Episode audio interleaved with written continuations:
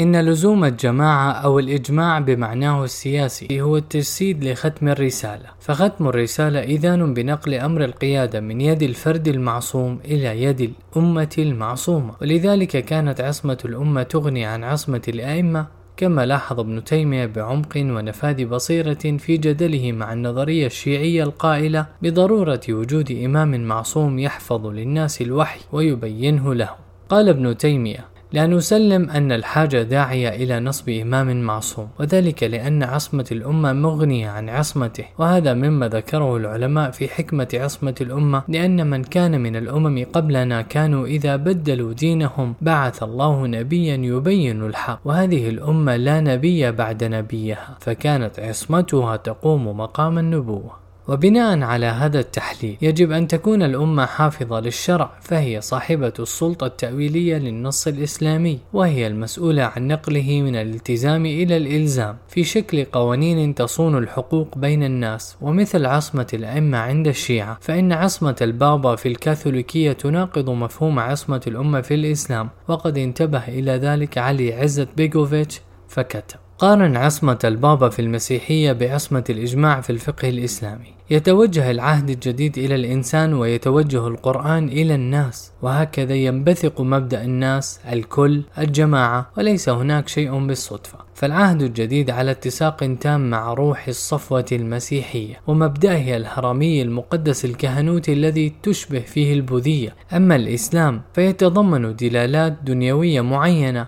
ويشير إلى الناس كتعبير عن العقل العام رفيع الشأن. إن الإسلام لا يعترف بالصفوة رهبانا كانوا أو قديسين ولا يوجد فيها برنامجان واحد للمختارين وآخر للناس العاديين ولكنه إعلان لمبدأ ديمقراطي. فالجماعة في الإسلام هي المعصومة من الضلالة وهي السد المنيع وخط الدفاع الأخير عن الملة ولا يوجد فرد معصوم يتولى هذه المهمة كما هو الحال في الكاثوليكية وفي التشيع بمختلف مشاربه. وقد ورد في عصمة الأمة قول النبي صلى الله عليه وسلم إن الله قد أجار أمتي أن تجتمع على ضلالة وأهم معاني الإجماع في مدلوله السياسي الأصيل هو الالتزام بشرعية السلطة التي تختارها الأمة وعدم الخروج عليها بالقوة مما قد يمزق لحمة الجماعة ويبدد قوتها. وقد أهدر النبي صلى الله عليه وسلم دماء الذين يفعلون ذلك فقال من أتاكم وأمركم جميع على رجل واحد. يريد أن يشق عصاكم أو يفرق جماعتكم فاقتلوه. ومن المعلوم أنه في غياب الشورى والتداول والتراضي لا يجتمع الناس طوعا على قائد واحد. فأساس اجتماع الجماعة وإجماعها هو الشورى والتراضي ثم التعاقد. وهذا المعنى السياسي هو المدلول الأصلي للإجماع في النصوص الشرعية. قبل أن يضيق الاصطلاح الفقهي من مدلوله فيحوله الفقهاء مفهوما قانونيا ويحتكروه لأنفسهم. ومن لزوم الجماعة الالتزام بقراراتها في شأنها العام والنزول عند رأي سوادها الأعظم عند الخلاف السياسي سواء اتفق معها الفرد أم لا ولكن المقصود هو ما أصبح قرارا نهائيا من الجماعة بالإجماع أو الغالبية أو قرارا من سلطتها الشرعية المخولة من الجماعة باتخاذ القرار. أما في مرحلة التداول والتشاور فللجميع الحق في إبداء آرائهم في صواب القرار وحكمته بل واجبهم أن يفعلوا ذلك.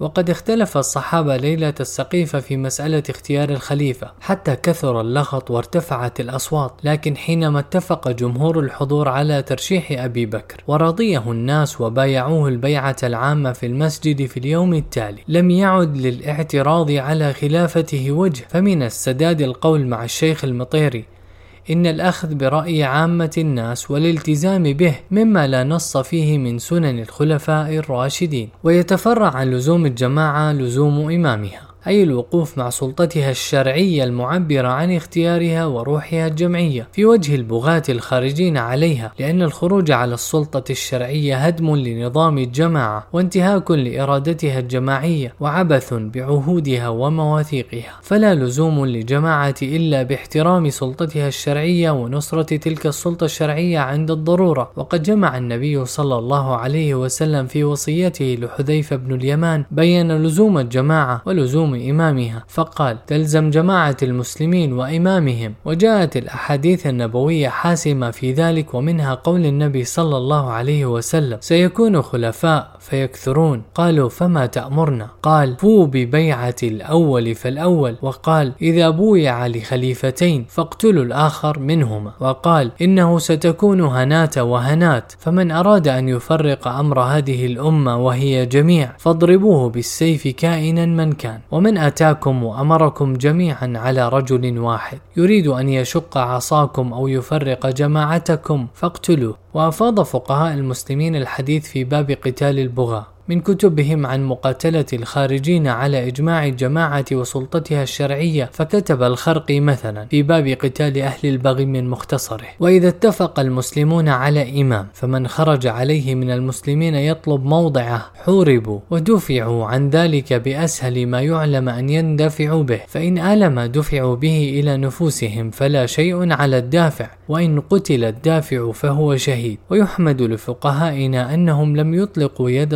السلطة في التعامل مع الخارجين عليها بل قيدوها بقيود كثيرة حتى لا توغل في الانتقام بدوافع الأنانية السياسية. وقد أفاض خالد أبو الفضل في دراسته عن التمرد والعنف في القانون الإسلامي في شرح هذا التوازن في الخطاب الفقهي بين حق الأمة في الحفاظ على وحدتها وسلطتها الشرعية وحق الخارجين على السلطة في أن لا يكونوا ضحايا سوء استخدام السلطة وتعسفها.